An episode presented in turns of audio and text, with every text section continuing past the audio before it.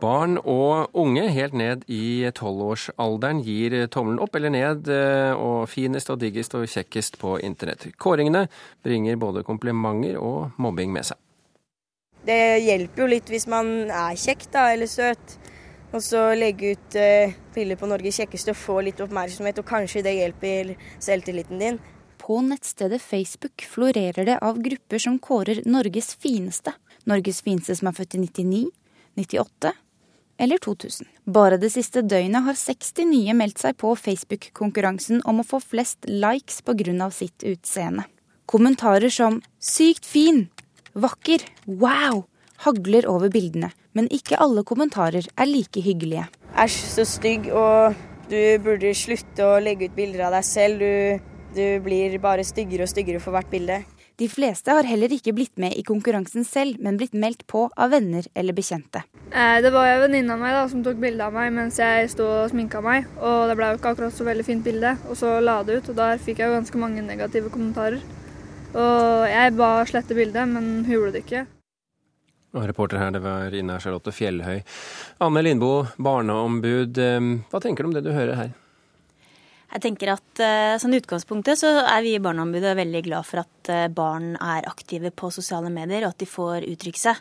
Men det er klart at det er veldig viktig at voksne tar ansvar og lærer barna, altså foreldre, både foreldre og skole, må lære barna hva som er eh, greit og ikke greit. Og lære dem skikkelig nettvett. Og lære dem personvern, at det ikke er lov å legge ut bilder av andre uten å ha spurt først. Ida Aalen, medieviter, bl.a. en mastergrad eh, om Facebook, eh, og har skrevet lærebok om sosiale medier. Eh, hva tenker du? Eh, jeg tenker jo at eh, man i hvert fall eh, må være bevisst det at når vi ser de tingene skjer, så er det på en måte et uttrykk for at de fortsatt er tenåringer, og de er ungdom. At det ikke er noen ting som har kommet med Facebook, denne måten med kåringer. Vi kan bare tenke på skoledagbøkene, hvem er søtest, eller kåringer, hvem er ballets dronning, og også på en måte hvem er klassens dust, og hvem er klassens peneste. Så de tingene er jo ikke noen ting som har kommet med Facebook, men den store forskjellen er jo hvordan det blir å takle det når det er synlig for 3000 eller 6000 andre at noen sier at du er stygg, og det ikke bare er klassen din, da. Om det egentlig gjør det vanskeligere eller lettere å takle. Men hva er det med Facebook da som gjør at sånne kåringer blir så appellerende for ungdommen? Ja, men det er, det er, nettopp det som er poenget mitt. Jeg tror ikke egentlig det har noe med Facebook å gjøre. Jeg tror det handler om den fasen man er i livet, hvor man er opptatt av å få andres anerkjennelse. Man er ikke helt sikker på seg selv. Og det å få positive kommentarer og tilbakemeldinger fra andre da, er noe man gjerne vil ha. Og Facebook er jo sånn sett veldig tilgjengelig og veldig lavterskel for folk å gjøre. Og så er det jo det spørsmålet som eh, kommer fram her, liksom, men man har kanskje ikke den beste dømmekraften da, i den uh, alderen. Så man ikke ser helt konsekvensen av det man gjør, da. Eh, Anne Lindboe, du, du, ettersøker foreldrene, men har de den samme dømmekraften, da? Er det, er det en sikker sak å bare peke på foreldrene, og så løser dette seg? Det er klart at eh, det er jo voksnes eh, ansvar å veilede barn. Og vi vet jo at barn eh, vil være på Facebook tror jeg, uansett hva slags aldersgrense man setter eller ikke setter. Og Da er det viktig å forholde seg til at sånn er virkeligheten. Og så må man ta ansvar i forhold til å følge med på hva barna legger ut. Følge med på aktiviteten deres på Facebook, og også være aktiv i forhold til, til å lære dem Facebook-vett. Mm. Er dette mobbing? Ja, det er klart det er mobbing. Altså Hvis du eh, går ut og sier at eh, du er dritstygg på, på nettet til noen, så er det veldig sårende og kan eh, sette, ja, være veldig alvorlig for den som blir utsatt for det. Det man er må ha med seg at De undersøkelsene som er blitt gjort blant norske ungdommer, har vist at det har vært et større problem med mobbing, trakassering og uønskede tilnærminger på anonyme sosiale medier som f.eks. deiligst.no, som kanskje folk kjenner i dag. Det er et mindre problem på Facebook når man spør tenåringene selv hvor de opplever mobbing og trakassering.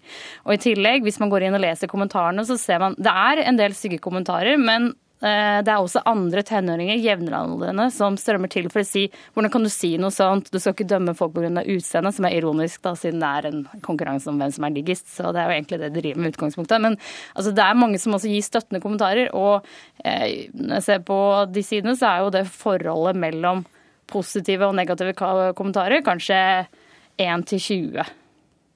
Én positiv per 20 Omvendt. negative? Én negativ per 19 eh, oh, ja, så 20 poster. kommer en negativ kommentar, så renner det på med motstand? Ja, fordi det er jo det som har Det er noe med liksom populærkulturen og sånne ting hvor folk sier Nei, men, man skal, men hun er sikkert pen på innsiden, og det det er det man skal fokusere det som er viktig, som er jo selvfølgelig det henger jo ikke helt på greip, på logikken, men eh, det er ikke slik at det som skjer på disse sidene, er at folk stort sett sier stygge ting. Det er stort sett pene ting som skjer, men det er selvfølgelig ikke gøy å være den som får en negativ kommentar, uansett hvor få det er. Det er kanskje de man husker best, det er jo de negative kommentarene.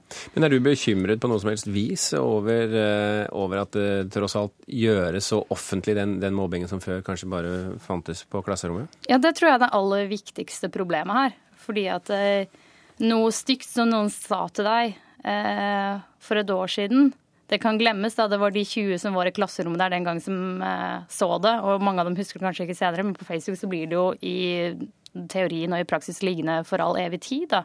Og det er festet til ditt navn, og det er festet til din profil, og det kan være vanskelig å slette det. Og det er også på en måte noen ting med noen normer om at det å slette ting og fjerne ting, det er terskelen ganske høy for, selv hvis man misliker det, fordi man vil ikke bli oppfattet som forfengelig eller nærtagende eller lignende. Så det er, det er der det største problemet ligger, nettopp det at ting blir liggende da, for alltid, og synlig for så mange. Får dere henvendelser fra barn eh, om, eh, som, er, som er bekymret for dette her, og som plages av det? Ja, vi får det, og vi får jo veldig mye henvendelser om eh, mobbing. Og vi vet at uh, bruk av sosiale medier, eh, som også telefon og sende SMS-er og legge ting på nett og sånn, det gjøres i økende grad. Og det er veldig vanskelig å beskytte seg mot, for, uh, og spesielt når det foregår anonymt. Uh, og det er akkurat like ille å bli utsatt for sånn type mobbing som vanlig, tradisjonell sånn muntlig type trakassering mm, på skolen, f.eks. Så det er viktig å ta dette her på alvor på lik linje som man gjør med annen type mobbing. Og der har jo sagt, nok en gang igjen foreldrene, men også skolen et ansvar i forhold til å drive opplæring av elevene i forhold til hva som er greit og ikke greit, og, og lære dem regler om personvern. Anne Lindboe, barneombud, og Ida Aalen, medieviter, tusen hjertelig takk for at dere kunne komme til Kulturnytt.